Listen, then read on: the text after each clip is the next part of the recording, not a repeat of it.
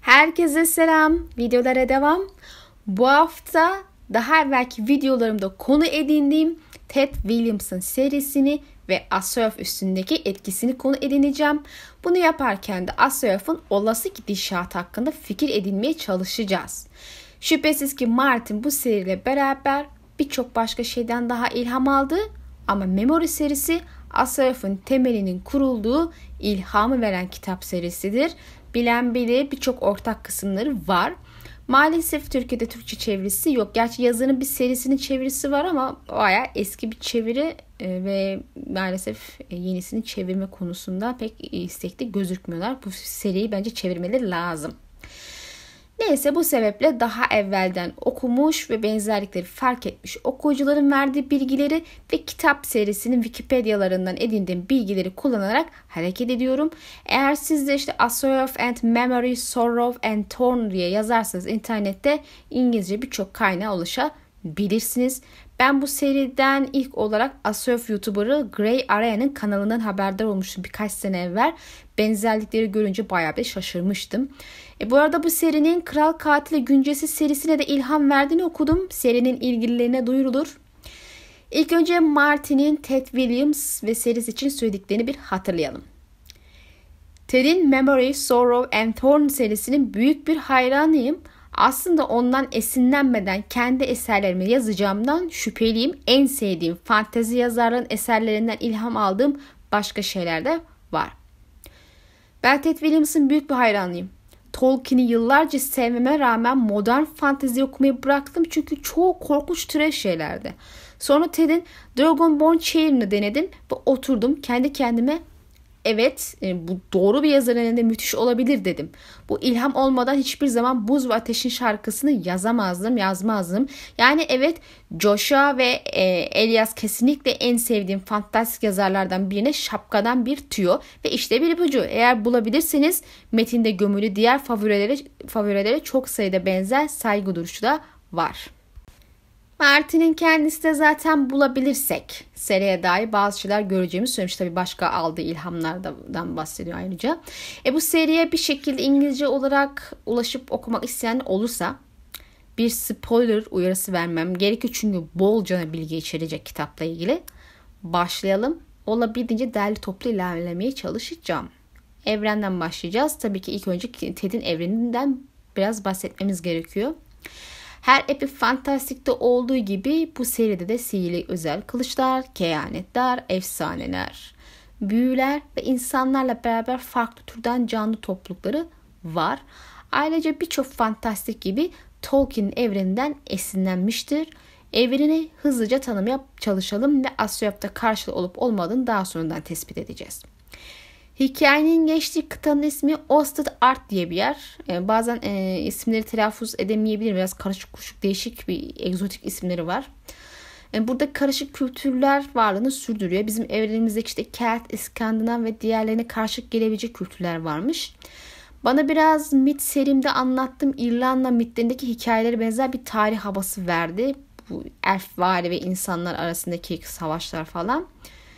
Ama işte seri okumadan net konuşmam sağlıklı olmaz elbette.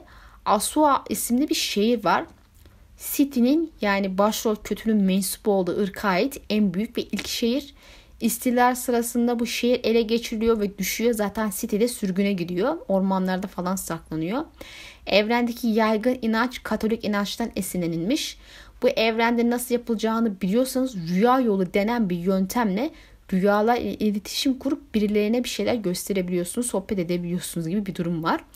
İnsanlardan önce işte City, Norn, Niski ve cüceler varmış. Bir de bazı troll türleri var ama biz diğerlerine odaklanacağız. City'den başlayalım.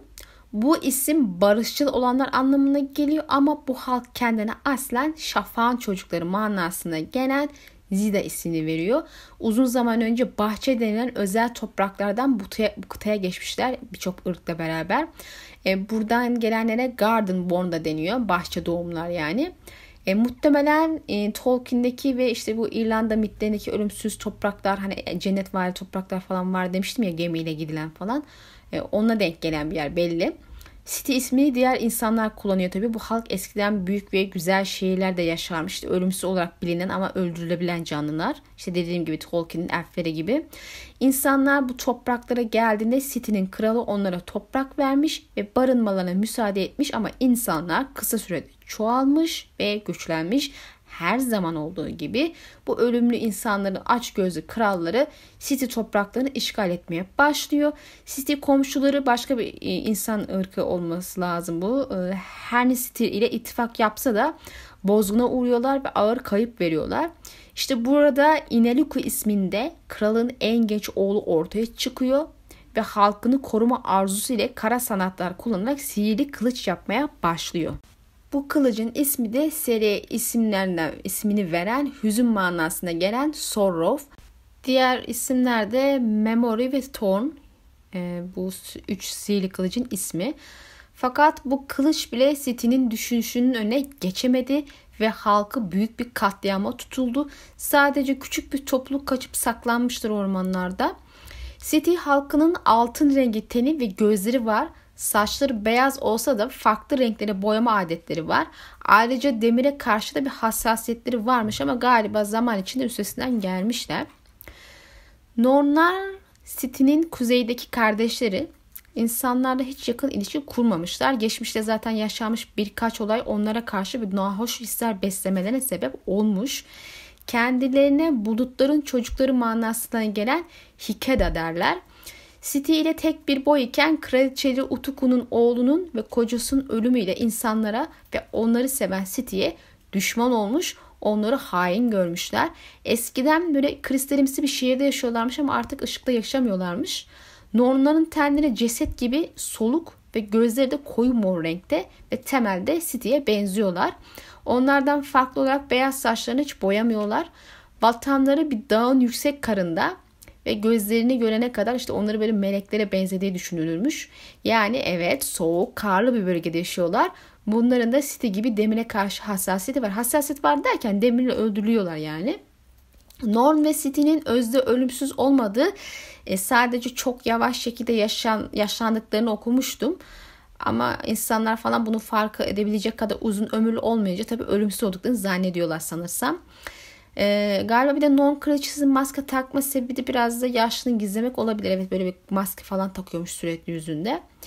Ee, Niskiler eskiden City ve Nor'un hizmetkarları olarak deniz kenarında yaşayıp e, gemilerde çalışan barışçıl bir halkmış. Kendilerine okyanusun çocukları manasına gelen e, Tinukeda diyorlar. Fark ettiğiniz gibi burada herkes onun bunun çocuğu olmuş. E, bu barışçıl halk hizmet ettikleri efendilerinin aksine sonsuza kadar yaşamaz ama insanlardan çok daha uzun bir ömür sürüyorlar ve demire karşı hassasiyetleri falan yok. Bunlar kısa boylu. Site gibi altın tenli, beyaz saçlı ve siyah gözlü. E, zaman içerisinde sayı olarak azalmışlar elbette. Cücelere geldi sıra. Bunlar Niskilerin bir alt kolu gibi okyanusun çocuklarının bir parçası. Zamanda işte City ve Non tarafından köleleştirilmiş ama şimdi sağda solda yaşıyorlar. E, sayıca çok azlarmış anladığım kadarıyla. E, Niskilere benzer tipleri var işte siyah göz, cılız ve beyaz saç. Bir de bu son kalan cüceler daha uzun boylu diye yazıyordu sitesinde. Ne kadar doğru çok emin değilim. Elbette bir de en az 3-4 tane insan krallığı var ve anladığım kadarıyla bunların bağlı olduğu bir de yüksek kral unvanlı bir kralımız var. Bu da işte Kral Elias. E, serinin kötü adamlarından. E, genel hikayemiz ise şu şekilde. Kralın sarayında yaşayan sıradan doğumlu Simon ismindeki bir çocuk erkek kılığına girerek yolculuk yapan bir prenses var. Kalede yaşayan, görünüşte mutfaklara yardım eden ancak daha çok böyle hafif bir yaramazlık veya tembellik için işten kaytaran bir yetim olan Simon, yeni kralın kardeşi Joshua'nın zindanda esir tutulduğunu fark eder. Kurtarma işi iyi gidiyor ama kurtarma, kurtarmanın keşfi iyi sonuçlanmıyor ve Simon tek başına vahşi doğaya kaçmak zorunda kalıyor. Macerası sırasında erkek kılına girmiş prensesle ve diğer birçok toplulukta tanışır ve kadim bir kainatın peşinden ilerler. Diyarda savaş tetiklenir ve iki kardeş birbirine girer. Bu sırada da büyük bir tehdit yaklaşıyordur ve bunun içinde onun hizmetkarı ortamı hazırlamak için elinden geleni de elbette yapacaktır. Serinin adına aldığı üç kılıç işte hafıza, hüzün ve dikenin etrafını saran bir kehanet var. Üç kılıç tekrar bir araya gelmeni bu şekilde kötücül efsanevi fırtına kralı yok edilecek diye düşünüyorlar. Kendilerine parşömen birliğine adını veren ve hikaye boyunca bilmecenin ne anlama geldiğini çözmeye çalışan bir e, bilgin topluluğu var. Bu üç silahın, üç silahın tamamı işte Os'un ardın dışından gelen malzemelerle dövülmüş. Ya da en azından bir kısmı öyle olmuş. E, Sorrow işte zaten City Ineriku tarafından dövülmüştü. E, Thorn bir meteordan yaratılmış. Dünya dışı olduğu için gece kadar siyah ve en ürkütücü görüneni ve korkulan kılıç buymuş.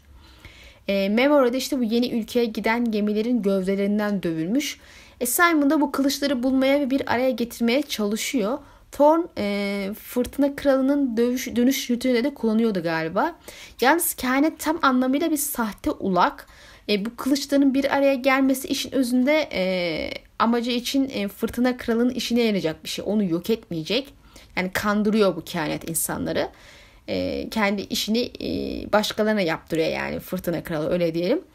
E, bir tanesini zaten kendi dövmüştü hüzün kılıcını.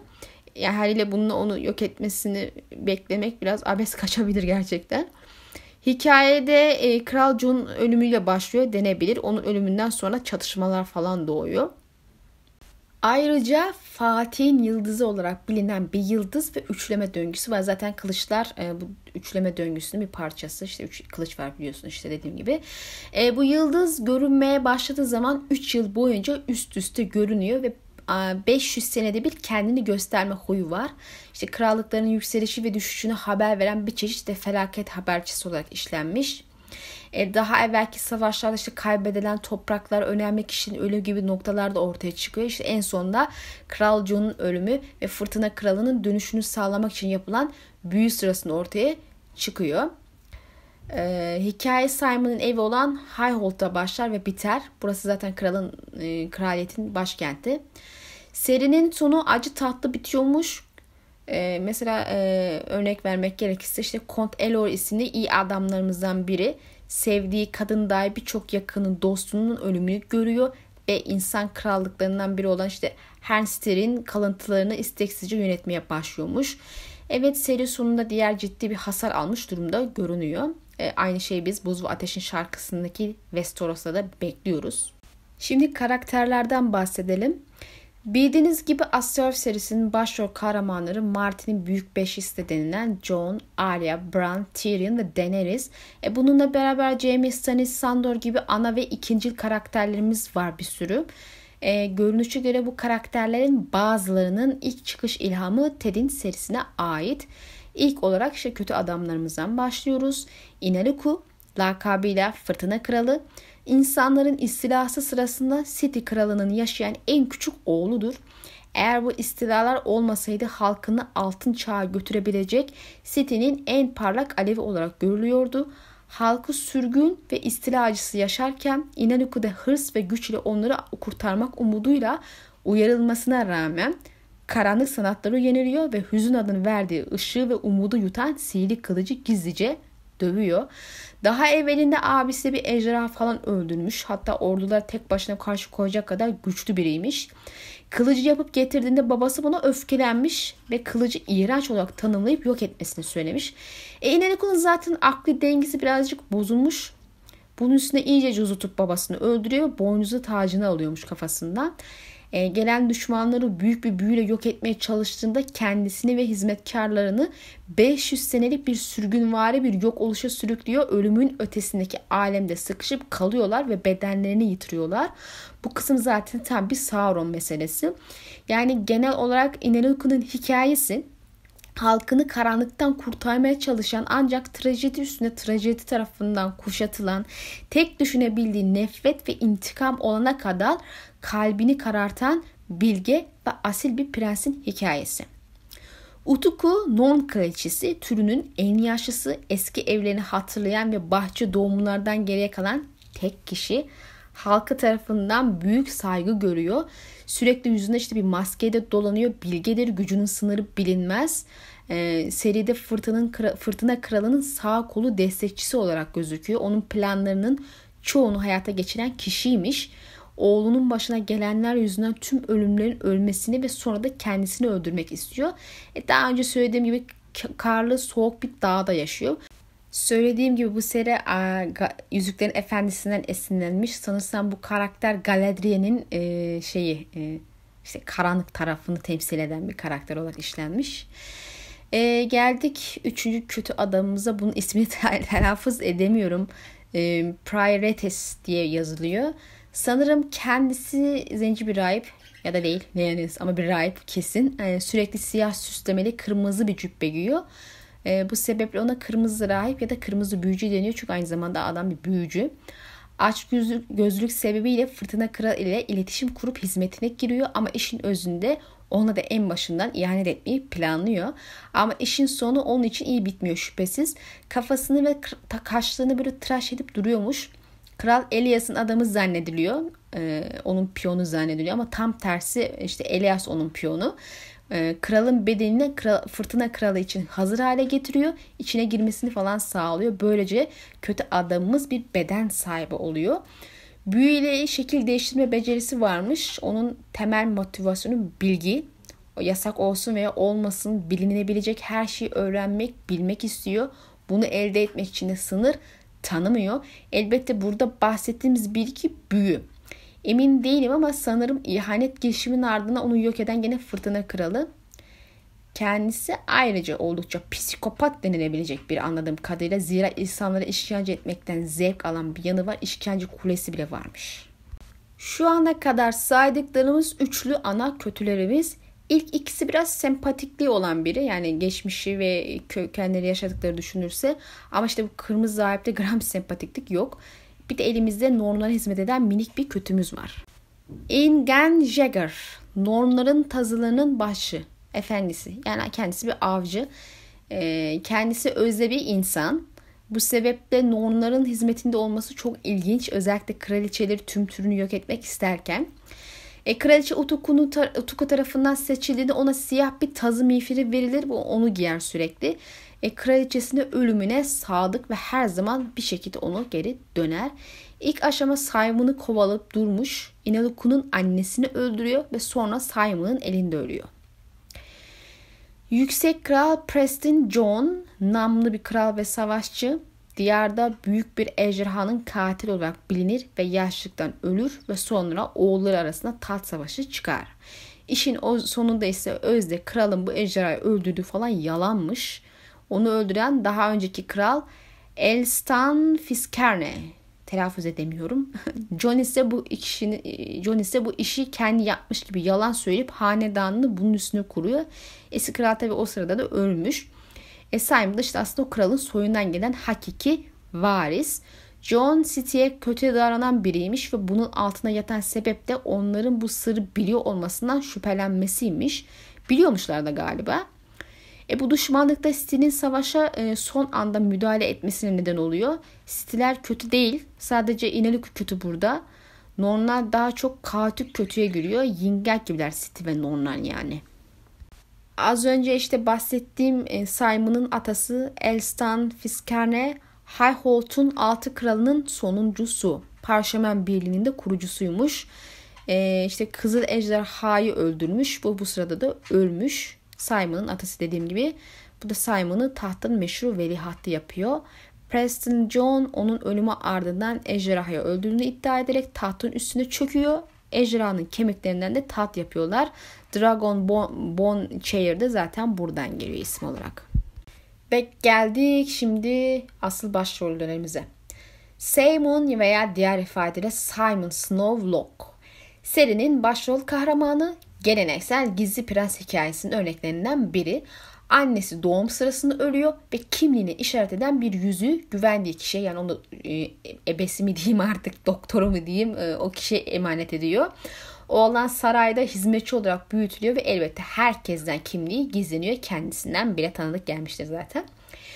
İşte dediğim gibi onu doğurtan ve kimliğini bilen doktor Morgan tarafından çırak alıp eğitimine başlıyor. Bu sıralarda da işte Kral John ölüyor. İşte yerine oğlu Elias geçiyor.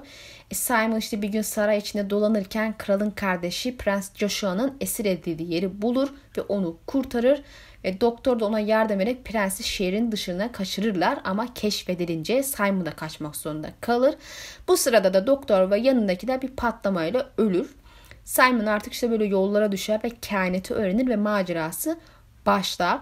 E, bu sürede de işte City ve Asu hakkındaki bazı vizyonlar görmeye başlar. Bu şekilde geçmişte olan şeyi flashbacklerle öğreniyoruz anladığım kadarıyla. Bu arada hikaye başladığında Simon 14 yaşındaydı. Bir noktada bir avcı tarafından tuzağa düşürmüş bir City e, kurtarır. Ve o da ona borcunu, borcunun nişanı olarak beyaz bir ok bırakır. Bu özel bir ok. Normal insan oklarından değil. Bu ok aynı zamanda Cheov silahı. Hikaye sonunda fırtına kralını öldürüyor. Yolculuğu sırasında Mare isminde prensesin Nedimesi olduğunu iddia eden bir kızla tanışıyor ve ona aşık oluyor ama öğreniyoruz ki kız aslında Elias'ın kızıymış. E bir noktada ikisinin yolu ayrılıyor ve ileride sonra tekrar bir araya geliyorlar. Aşklarını itiraf edip kabul ediyorlar vesaire. İşte geleneksel romantik kısımlar. E Simon ayrıca Binapik ile tanışır ve arkadaş olarak macerasına onunla devam eder. Bir nevi şey Sam gibi bir yoldaş yani olmazsa olmazlardan malum. Eserde Tolkien tarzı ejderhalar, ejderhalarımız var. Kötücül olarak resmedilmişler anladığım kadarıyla. Simon bunlardan beyaz olanı öldürüyor. Beyaz solucan lakabı var zaten ejderhanın. Bu arada da e, kanı saçına e, sıçrıyor. Bu da yakıcı zarar verici bir etki yaratıyor üstünde. Hatta böyle biraz e, hastalandırıyor falan böyle birkaç gün kendinden geçiriyor. Saçının sıçradığı yerde beyazlaşıyor. E, ayrıca bu ona ekstradan galiba bazı vizyon ve psik güçler falan vermiş. Eğer hatırlarsanız demonik varlıklar serimde ejderha kanının bir şeyler görme, görmeye yaradığını anlatmıştım. Ayrıca e, kanının zehirlici özelliği olduğunu da söylemiştim. Bu hikayede de bu şekilde işlenmiş zaten. E, seri sonunda Simon prenses ile fırtına kralını öldürür ve evlenerek diyara hükmetmeye başlarlar. Bir diğer karakterimiz Mre Mel nasıl telaffuz ediyorsa artık bu da Kral Elias'ın kızıdır ve babası tarafından ihmal edilmiş, iyi davranılmamış bir karakterimiz kendisi. E, geleneksel işte şımarık prensesler gibi olmuyor, reddeden, kalıplara direnen özgür kişilikli biri tanıdık gelmiştir. Bu sebeple yay kullanmayı öğrenir, usta bir okçudur ve bir kılıç taşır. Bu yay seçimi okçuluk yetenekleri ileride onun için önemli bir eyleme imza atması neden olacak. Kızımız sonunda saraydan kaçar ve erkek kılığına girerek Maria ismiyle yollara düşer. Simon ile tanışır ve aşık olur. Birlikte geçirdikleri maceranın sonunda yolları tekrar eve döner ve babası Elias'ın bedeninin fırtına kralı tarafından ele geçirildiğine şahit olur. Simon ile el, el birliği yaparak babasını City'nin Simon'a verdiği okla öldürür. Hikaye sonunda işte dediğim gibi Simon ile evlenir. Kral kraliçe olarak hüküm sürmeye başlarlar. İkisinin en az bir oğlu varmış. Sonradan öğreniyoruz. E, Kral Elias'a geçelim. Babasının ölümü sonrasında tahta geçer ve kardeşini tehdit gördüğü için zindana atar. Ölen karısının yasını tutan ve onun ruhuyla iletişim kurmak için saplantılara sahip bir kral bu. Bu şekilde fırtına kralı ve kırmızı rahibin ağına düşüyor. Seri sonunda Inaluku bedenini ele geçirir ve kızı tarafından öldürülür. Ölmeden önce aklı başına gelmiştir elbette. E, tüm hikaye boyunca Kırmızı Rahibin kuklasıdır ama bir noktada asıl tehdit ortaya çıkana kadar kendisi asıl kötü adam olarak görülmüş okuyucu tarafından. Prens Joshua ölen kralın iki numaralı oğlu Simon tarafından kurtarıldıktan sonra abisiyle tat savaşına giriyor. Halkı tarafından sevilen iyi bir hükümdardır ama halkını ölüme götürebilecek bazı zor kararlar almak zorunda da kalıyor zaman zaman. Sonra öğreniyoruz ki kendisi aslında Kral John oğlu falan değilmiş. Annesi ölen kralı evvelden onu en iyi arkadaşıyla aldatmış. Hikaye sonunda ortadan kaybolur, öldü falan sanılıyormuş ama sanırım yazarın yeni serisi de var. İşte hikayenin 30 sene sonrasında geçiyor. Parşaman Birliği'ne falan katılmış adam ve öz babasını aramaya koyulmuş. Kendisinin karısından ikiz çocukları oluyor. Ayrıca e, Nayadal isminde ince bir kılıcı var. Daha evvelki videolarımda bunun Maria'ya ait olduğunu söylemiştim ama yanılmışım. Amcasına aitmiş e, Prensin ayrıca Cam Gölü Savaşı'nda ölen Sir e, Darren Roth isminde çok sevdiği bir sağ eli var. Doğan oğluna onun ismini falan veriyor hatta. E, Binabik'e geçelim. Bu son karakterimiz. E, Simon'ın yoldaşı ve yakın arkadaşı bir troll ama hani bu Yüzüklerin Efendisi'nde görmeye alıştığımız türden bir troll değil kendisi. Güdük cüceye benzeyen bir troll. Zaten cücelere daha çok e, benziyormuş bunların soyu. E, hani şu e, Avrupa'daki bahçelere konuyor ya böyle e, küçük böyle figürler var. Troll figürler. O, onun gibi tipler işte. Bir kurtla arkadaşlık ediyormuş. Bildiğimiz normal kurt biraz ulu kurtlara benziyor yani ama zeki konuşan kurtlardan anladığım kadarıyla. Yetenekli ve bilge bir kişiliği var. Maalesef çok fazla bilgi bulamadım. E, bu serinin hayranları Asoyaf'ta olduğu gibi bir kapsamlı hayran sayfaları oluşturmamış maalesef. Bu bir eksi bence. Ve şimdi geldik bu serinin izlerini Asoyaf'ta aramaya. Gerçi ben bahsederken eminim ki kafanızda bağlantılı kurup benzerlikleri buldunuz. İlk aşama daha evvelki videolarda yaptığım kaba bir özet sunacağım ve daha sonra bazılarının üstünde durarak tahminlerde bulunmaya çalışacağım. Jon Snow ve Simon Snowlock iki karakterin yaşadıkları genel anlamda çok farklı olsa da gizli prens, saklı miras vesaire meselelerinde aynı hikaye sahip. Yani tema anlamda aynılar. İşte baba evvelden ölür, anne doğumda ölür, onları başkaları yetiştirir. Ayrıca kötü adama karşı savaş veren başat roller olarak öne çıkıyorlar. İkisinin de Snowswords ismine sahip olması zaten dikkate değer elbette. İkisinin de hikayesi büyüdükleri evlerinde başlıyor. Belki Jon'un da Simon gibi hikayesi evinde biter. E, zaten genelde okuyucuya böyle bir yorum da yapıyorlar biliyorsunuz. Yani sırf John için değil de hani hikaye Winterfell'de başladı Winterfell'de biter diye. İkisi de hikayelerine 14 yaşındayken başlıyor. Şimdi iki seride de geleneksel kalıpları reddeden ve savaşçı olmak isteyip kendi macerasına çıkan hatta bir noktaya kadar erkek kılına girmiş prenseslerimiz var. Maria ve Arya isimleri bile zaten benziyor. Maria'nın okuşuluk yeteneği gelişmişken Arya kılıç kullanma yeteneğini geliştiriyor. Tabii ki yaşadıkları farklı. Kral Elias ve kardeşi Prens Joshua'nın taht savaşı ve birbirine duyduğu nefret bize Stannis ve Renly'nin durumunu anımsatıyor. Zaten Martin'den verdiğim alıntı bunu söylüyor. Bu iki kardeşin düşmanlığını Joshua ve Elias'tan esinlenmiş. Randy de kral kumaşı olmasa bile Stannis'in aksine kendi halkı tarafından genel olarak sevilen biri. Ayrıca Elias'ın kırmızı rahibi ya da işte kırmızı büyücü olarak bilinen karakter akla ilk olarak aynı şekilde anılan Melisandre'yi anımsatıyor. Ted'in serisinde de kirli oynayan taraf yani Kral Elias bu savaşı kazanıyor duruyor. Ve Asya haftada gölge büyüsü kullanan Stannis Renly ile olan savaşını kazanıyor. Ama elbette ki Diğer serinin aksine Stannis'in ta savaşı daha bitmedi. E, Stannis'in çok güvendiği Sir Davos onun eli iken Prens Joshon da kendisine çok güvendiği işte bir Sir, Sir e, Darren Roth var. Prensin eli olarak öne çıkıyor ve hizmet ettikleri adamlar ikisi de iyi tavsiyeler veriyor. Elbette Stannis karşısındaki Renly konumunda olan Prens Joshua'nın Renly ile benzer hiçbir tarafı yok. Sadece insanlar tarafından sevilen bir o kadar ama kalan kısımlar gram benzemiyor. Elias ve Joshua'nın savaşı asıl tehdit gelene kadar insanları oyalayan ana karmaşayı temsil ediyor. Stannis ve Renly de benzer ama bu konuda tek temsil tarafı değiller elbette. Daha başka taraflar ve savaşlar da var bu e, ayartma işini yapan. Kırmızı rahip kral Elias'ın kardeşini kurban etmesi yönünde teşvik ederek bunun krallığı birleştireceğini falan söylüyor. E, Melisandre Stannis'e abisinin piç oğlu Edric'i kurban etmesini söyler ve bunu taştan ejderhalar uyandıracağını ve diyarı kurtaracak sürecin bir parçası olduğu konusunda ikna etmeye çalışır. Muhtemelen ileride kızı Şirin'i benzer bir mantıkla yakması için teşvik de edebilir. E, diğer benzerlik işte yıldız ve kuyruklu yıldızlarımız. İki seride de kıyameti değişimi haber eden yıldızlar ortaya çıkıyor. Fırtına kralı ve ejderhaların yükselişini anlatıyor diyebiliriz bu yıldızlara. E, Fatih'in yıldızı ismi bana ister istemez Fatih'in memeli hali denilen Daenerys'in yükselişi ve ejderhaların doğumunu ve yapacaklarını hatırlatıyor. Diğer yandan kuzeyin soğuk dondurucu dağlarında uzun yıllardır sesi solu çıkmayan sürgün Nornlar 500 sene sonra fırtına kralının dönüş zamanı geldiğinde insanları yok etmek için harekete geçerler. Çünkü onlardan nefret ederler. Onları ölümsüzlerin en yaşlısı olan bir kraliçe yönetiyor. E, kendilerine bulutların çocuğu diyorlar. Bu da Asoyaf'ta bize kuzeyin ötesinde buz ve soğuk bir diyarda binlerce yılda sesi soluğu çıkmayan ötekileri anımsatıyor. Martin'e göre insanlardan nefret ediyorlar ve buz intikam duygusunu simgeliyor. E, Ted'in serisinde Non kraliçesi de oğlunun ve kocasının ölümüne neden olduğu ve istilacı oldukları için insanlardan nefret edip hepsini yok etmek istiyordu. İntikam peşindeydi. Belki de ötekilerin arkasında benzer bir hikaye vardır.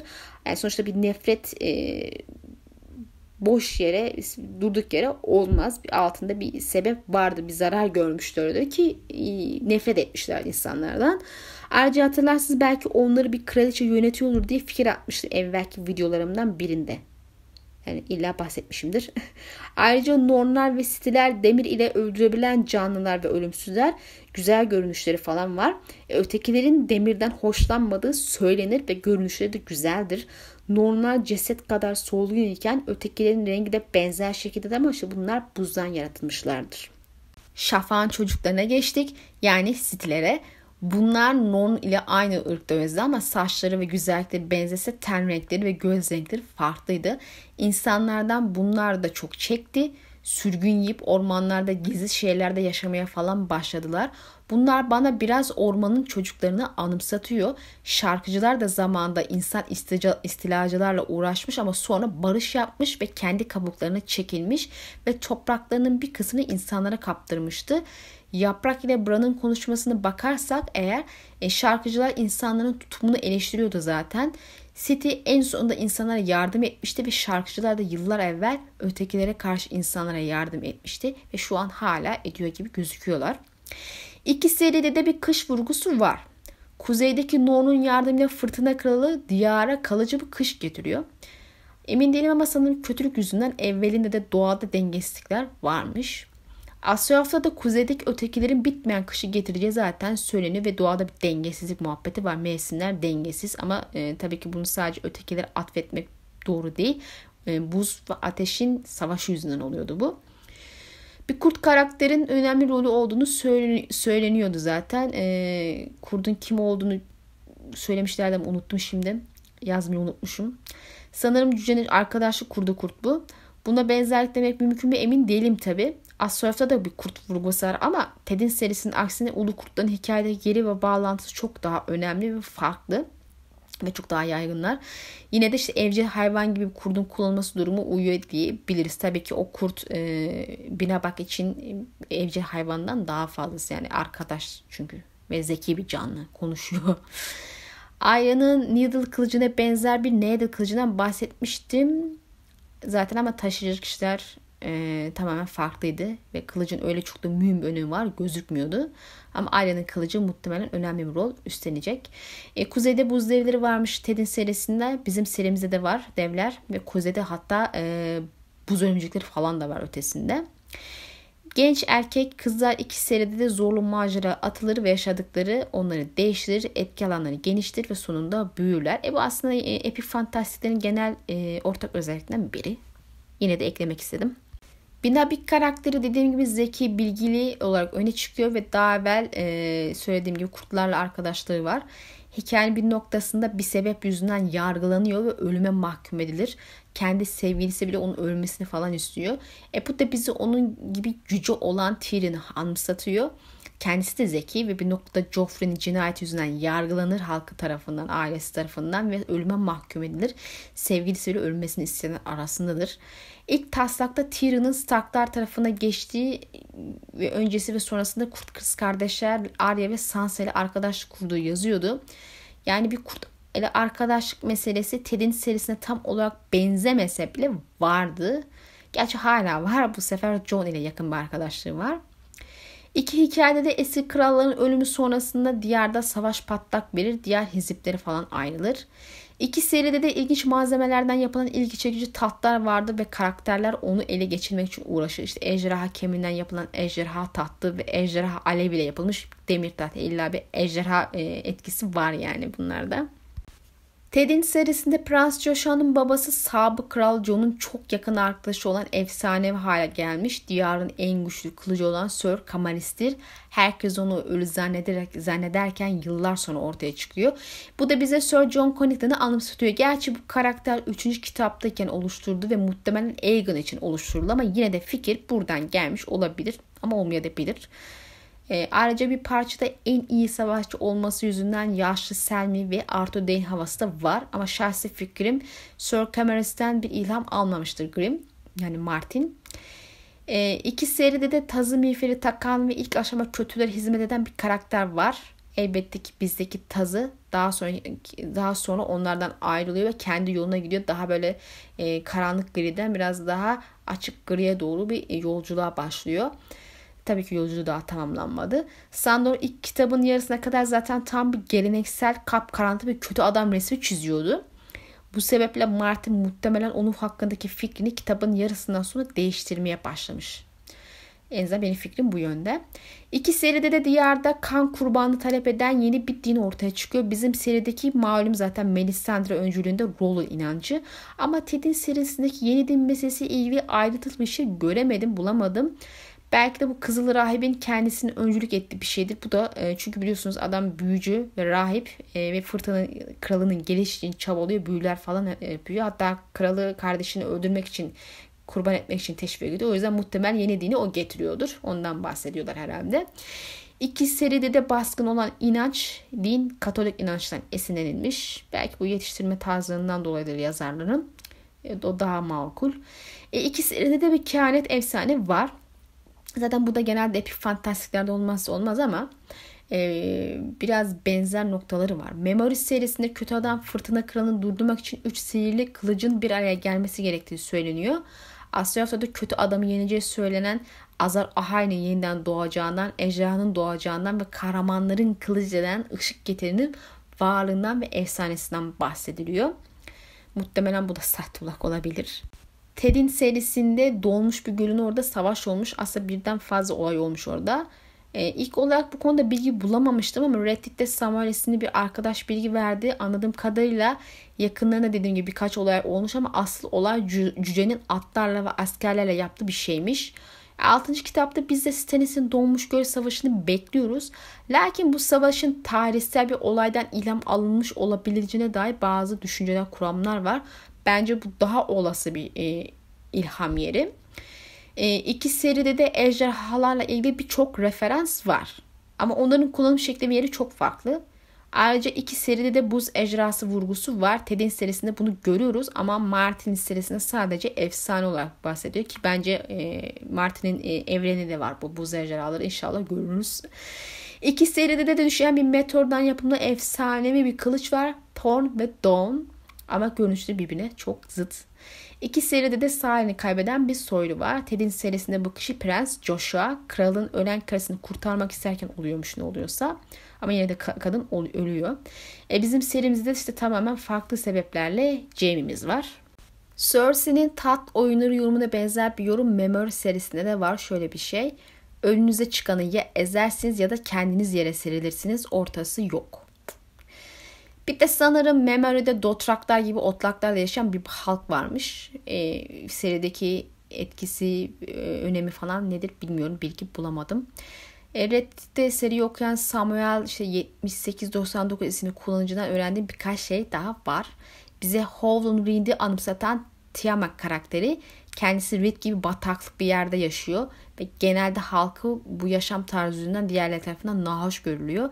Kendisi parşömen belinden biri ve bu kehaneti çözmede hayati bir önemi var ve kafilesine önemli bilgiler falan sağlıyor.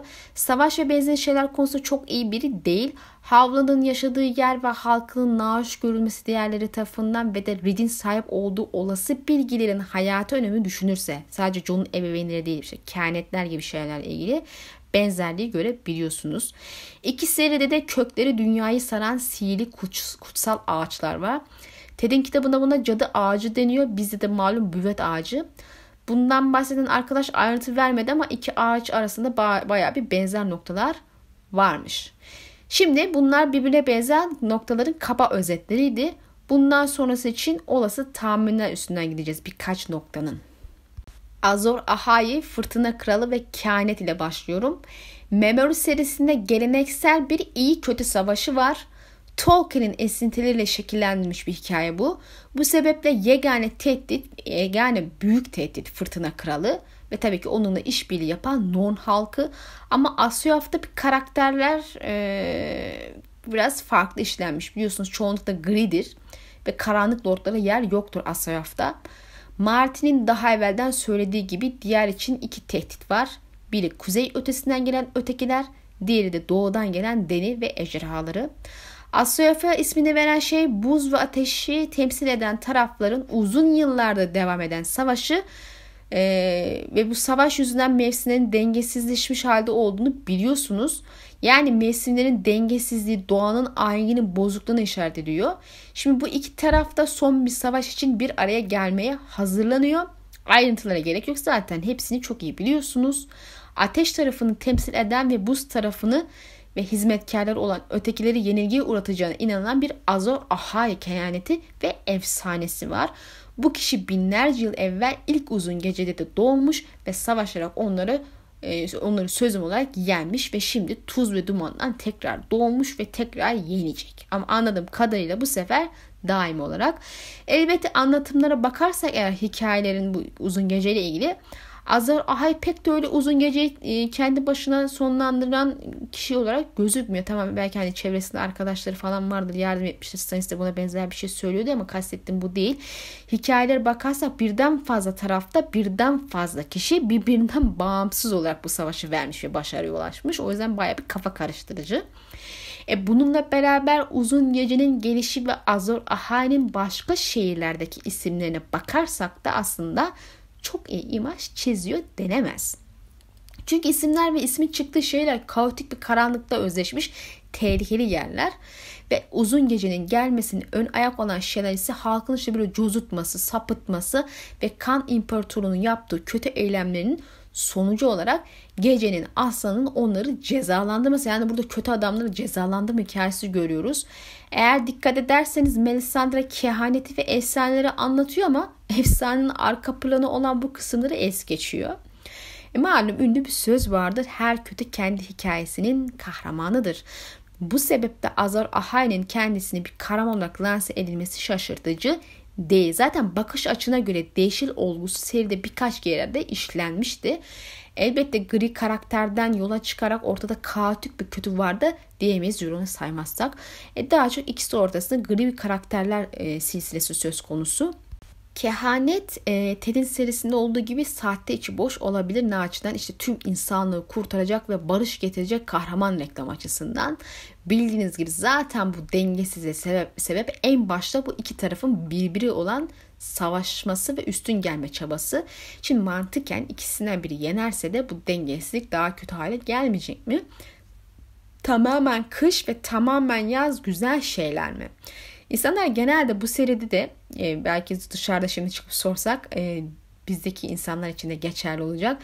Bitmeyen yazı e, e, bekler yani güzel görür e, doğru kabul eder işte, olumlu bakar ama doğanın ve dolaylı olarak insanların e, sonbahar ve kış mevsimlerine ihtiyacı yok mu? Var.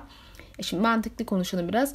Yaz döneminde yağmur ender yağar ve en önemlisi yeraltı kaynakları bol yağış e, ama daha iyisi karın kendisiyle dolar. E, haliyle bitmeyen yazda kuraklık tabi olarak bir kıtlık tehlikesi baş gösteriyor. Bunlar basit konular ama aynı şekilde bitmeyen kışta suyun varlığına rağmen dondurucu etkisi yüzünden aynı şeye sebep olur. E, verimsizlik yaratır toprakta. Yani dikkat ederseniz aslında iki tarafında aşırılığı da aynı şeylere sebep oluyor.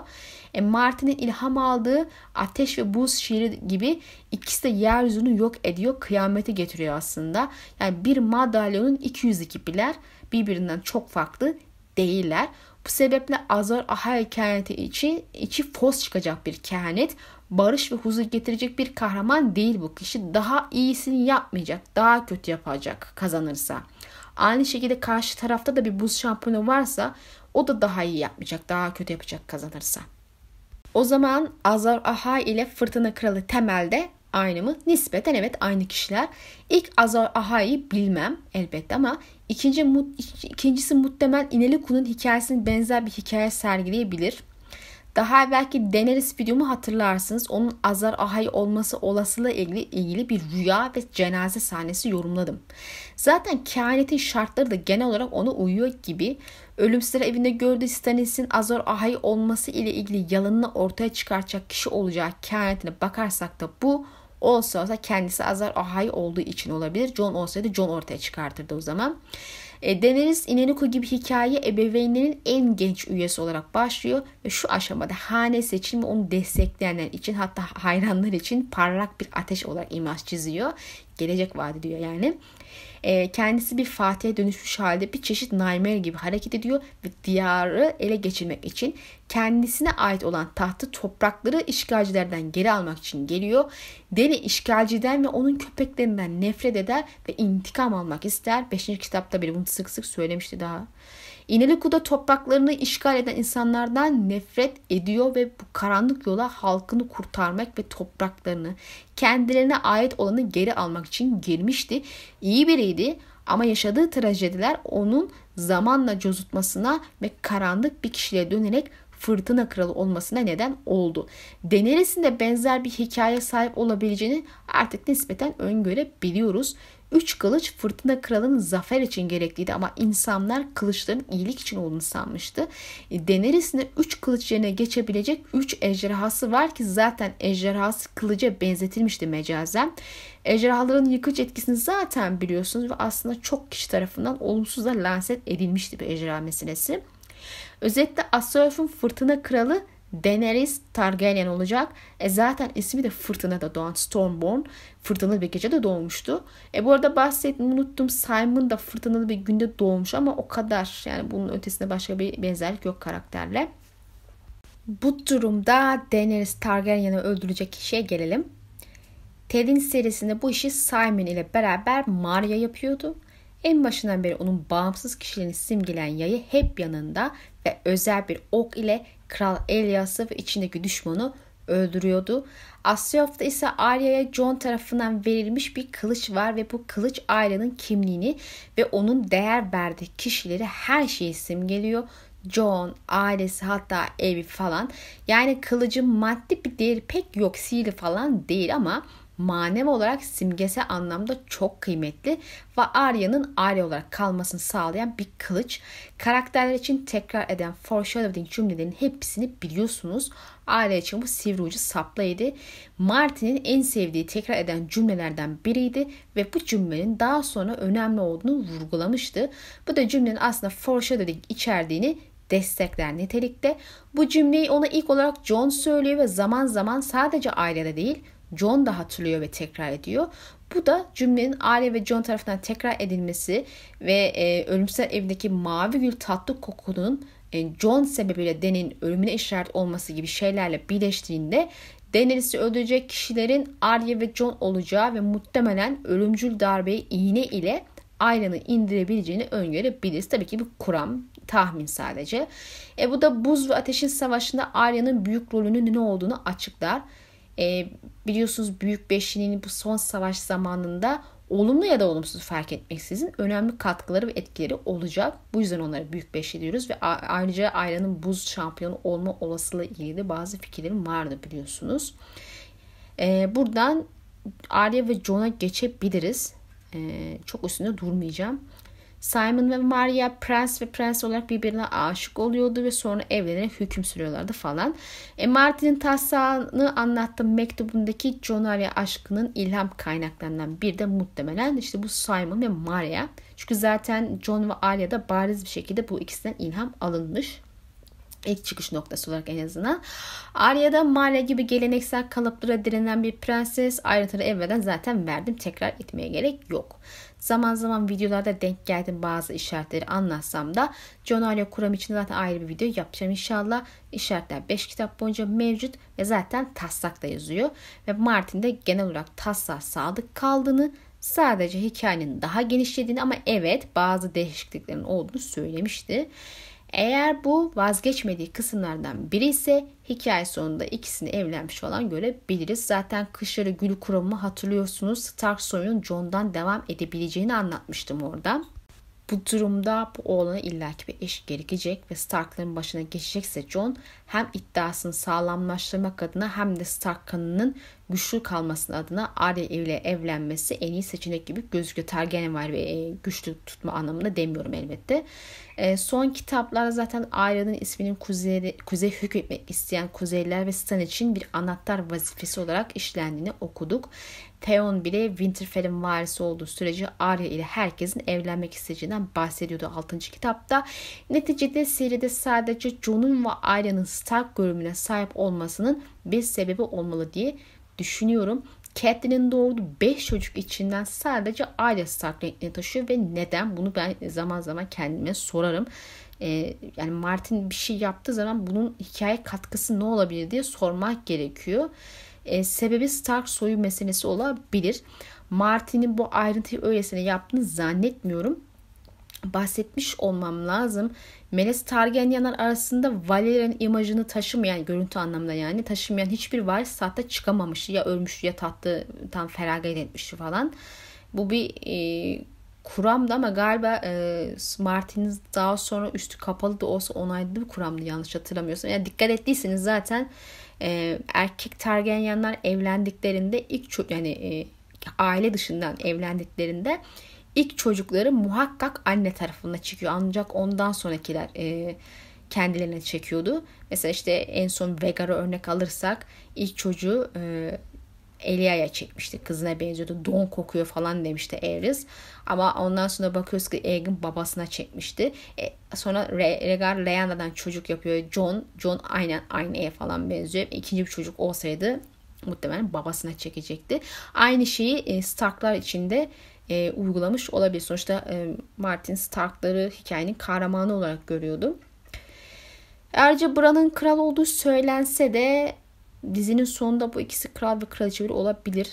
E, daha sonra başka açıklamalar falan oldu bu konuyla ilgili. Hala bu Bran'ın kral olması meselesi kafama yatmıyor yani söyleyeyim. E, çok mantıklı gelmiyor. Neyse bu ayrı bir mesele. Buradan Kırmızı Rahip ve Rahibe'ye geçeceğiz.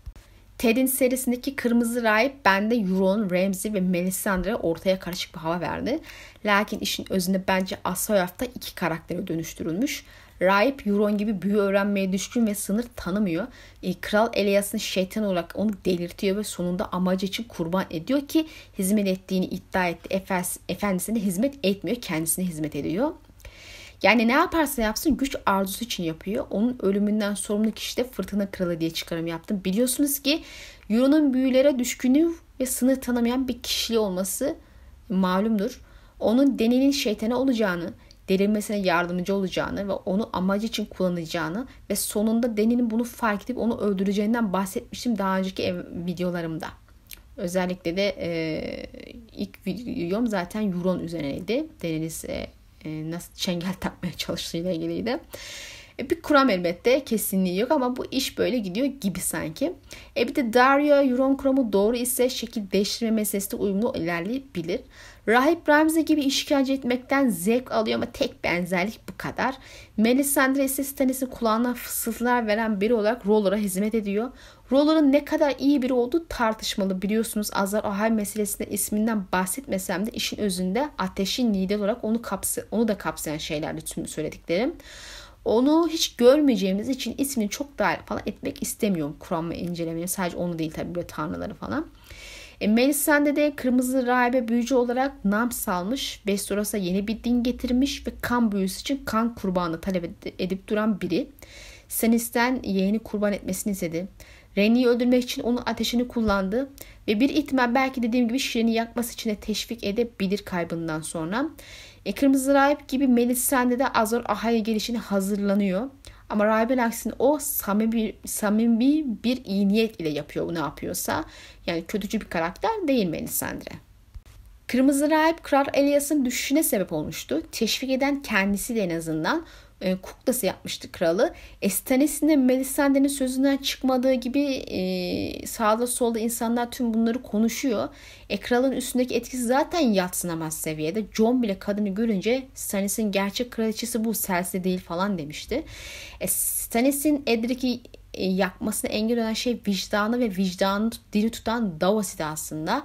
Onu oğlanı kurtarmasına ses etmemişti. Çünkü işten işe bunu yapmak isteyeceği bir şey değil belli ki.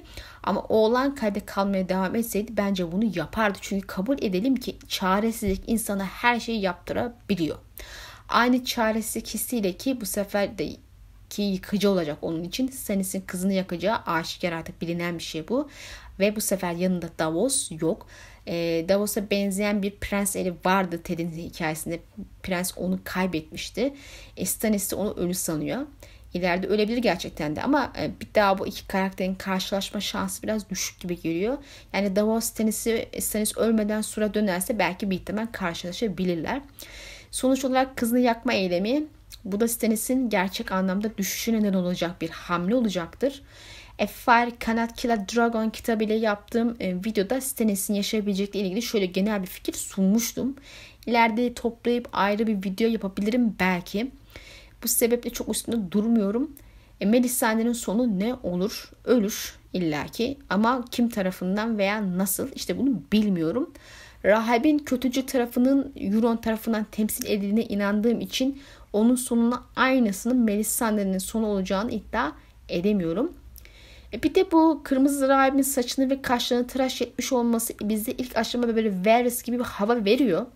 Bilgi aşığı da ilk aşama onu akla getirse de büyüleri olan tutkusu ve onları kullanarak güç elde etme işi özüne Euron ile özdeşen bir durum. Varys zaten büyüden nefret eden biri. Euron belki büyücü olmayı öğrenmiyor doğru ama büyücüleri topluyor ve büyüler ile güç elde edip şahsi çıkarlar için kullanmaya uğraşıyor. Norn, ötekiler ve City şarkıcılardan bahsedelim. Daha evvel dediğim gibi Norn genel olarak ötekileri City'de genel olarak şarkıcılar yani ormanın çocuklarına denk geliyor gibi. Bu iki ırk temelde kardeş ırk ve insanlar ile mücadele meselesinde birbiriyle ayrılıyorlar. City insanlarla savaşmış, topraklarını kaybetmiş ve zarar görmüşse de onlarla iyi geçiniyor ve bazen yardım ediyor. Non da benzer kadere sahip ama insanlardan tamamen nefret ediyor ve intikam duygusuyla yok etmek istiyor. Stiye de onlarla olan ilişkisi yüzünden kötü gözle bakıyor ve hain kabul ediyor. Anladığım kadarıyla Steve biraz barışçıl yaklaşarak hepimiz için yer var kafasında bir denge bulmaya çalışmış durumda. Ee, ötekilere dair neredeyse hiçbir şey bilmiyoruz ama insanlara duydukları nefret hareket ettiklerini biliyoruz ve bir şey onları harekete geçirmiş olsa gerek bu nedir bilgimiz yok.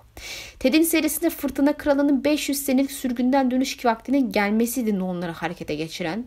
Asoyaf'ta ise Buz ve Ateş zaten düşman ama yine de onlardaki hareketlilik yani ateşteki hareket ötekileri harekete geçirmiş olabilir. Mesela işte deneriz belki bir ihtimal Jun'un doğumu bir, bir işaret fişi olabilir savaşın yaklaştığına dair. Zira belli ki ortada bir kehanet ve beklenen bir olay var. Kış geliyor değil mi? Bu en başından beri bilinen bir durum demiştim. Herkes emindi kışın geldiğinden bu sebeple Starklar kesin sözcüklerle geliyor diyordu. Demek ki hikayelerin bir ihtimal kehanetlerin unutulan, anlatılmayan bazı kısımları var. Ateş tarafı için kehanet duyduk ama aslında buz tarafı için bir şey duymadık. Zaten e, zor da duymak pov falan yok. E, Westeros kehaneti olduğunu bildiğimiz vaat edilmiş prens meseleleri var ama onun Azor Ahai ile birleşik yorumlandığını biliyoruz ama muhtemelen ikisi farklı kişi. Özetle Westeros'ta insanlardan önce ötekiler, şarkıcılar ve devler yaşarken insanlar gelir istila etmeye başlar ve zarar verirler. Büvet ağaçlarını yakarlar ve herkesi öldürürler. Bir noktada kimse sonuca ulaşamaz, kazanan taraf olmaz ve iki taraf birbirini yok etme aşamasına gelir ve şarkıcılar ile ilk insanlar bir barış anlaşması yapar. Ve bir daha birbirine zarar vermez. Bir ihtimal Memory serisinde olduğu gibi ötekiler şarkıcıların bu tutumundan hoşlanmamış ve radikal bir noktaya evrilerek insanları yok etmeye kararlı bir tavır sergileyip uzun gece gerçekleşmiş olabilir. Şarkıcılar da ötekilerin tutumunu tehlikeli olarak insanlara yardım etmiş ve onların kuzeyin e, ötesine çekilmesine sebep olmuştur. Zira bildiğimiz kadarıyla ötekilerin sağlarında insanlar topraklarını kaybetmiş. Biliyorsunuz son kahraman falan gidip işte şarkıcılardan yardım istiyordu. E, şarkıcının da benzer bir etkiye maruz kalması olasılıdır bu saldırılarda. Hiçbir şey yoksa bile dengeli bir ilişkiden yana oldukları doğru ise e, durumun e, her şekilde kötü biteceğini düşünmüş olmalılar herkes için. E, bu durumda benim bu üç baş var isimli videomda anlatılanlar temelde doğru. Yani üç taraf manasında. Peki bundan sonra ne olur? E, bahsettiğim videoda temel hatlarıyla anlatmıştım. İzlemediyseniz zaten tavsiye ederim ama bundan sonra da genel olarak şarkıcılar insanlara yardım edip savaşın bitmesi için bir şeyler yapıyor denebilir. Üstüne oynadıkları kişiler de Jon Snow ve Bran Stark. John'da da Simon'da olduğu gibi bazı rüyalar, vizyonlar var. Anlatmıştım bunları. Yolculuğun sırasında yanındaki bir karakterden büyü eğitimi falan almak istiyor düşmanla dövüşebilmek için. Çünkü malum Kırmızı Alp çok güçlü bir büyücü. Adam pek büyü öğretmeye yanaşıyor değildi. Eğitimi veriyor mu vermiyor mu bilmiyorum ama muhtemelen vermiyor. Çünkü Simon'un büyü yapına dair bir bilgi gözüme ilişmedi. Ama yine de büyülü bazı durumları olduğundan bahsettim. İşte misal Ejderha Kanı ona fazladan bazı şeyler veriyordu. John'un da damarlarında ejderha kanı dolaşıyor ama işleme şekli tabii ki de farklı. Blood Raven'ın John'a rüya yolunda bir şeyler gösterdiğini düşünüyoruz. O olmasa bile birileri kesin bir şey gösteriyor. Yaklaşan büyük tehdit ile ilgili mücadelesi var zaten Simon'da olduğu gibi John'un da. Ötekilerin arayışını anlattığım videoda onların bir ihtimal John'un peşinde olabileceğinden bahsetmiştim. Ayrıca hatırlarsanız mahzen mezarlarda John'un kimliğini ifşa edecek bir şey olmalı demiştim.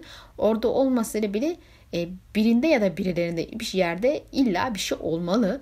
Belki Simon'un yüzüğü gibi John'a da annesi babasından kalan bir yüzük falan bir şey bırakmış olabilir. Yani illaki miras kalmış olmalı kimliğini kanıtlaması için. Gizli prens hikayelerinde böyle şeyler olur demiştim. Simon'un yüzük hikayesi bu dediğime bir örnek olmuş oldu zaten. Mesela bakın genç Griff Aegon'ın e, kimliğini kanıtlayacak bir şey yok değil mi? Anacığı çocuk kaçırtırken tek bir şey dahi vermemiş mi yani? Anlatabildim sanırsam. Memory serisinde Bran'a denk gelen bir karakterimiz yok.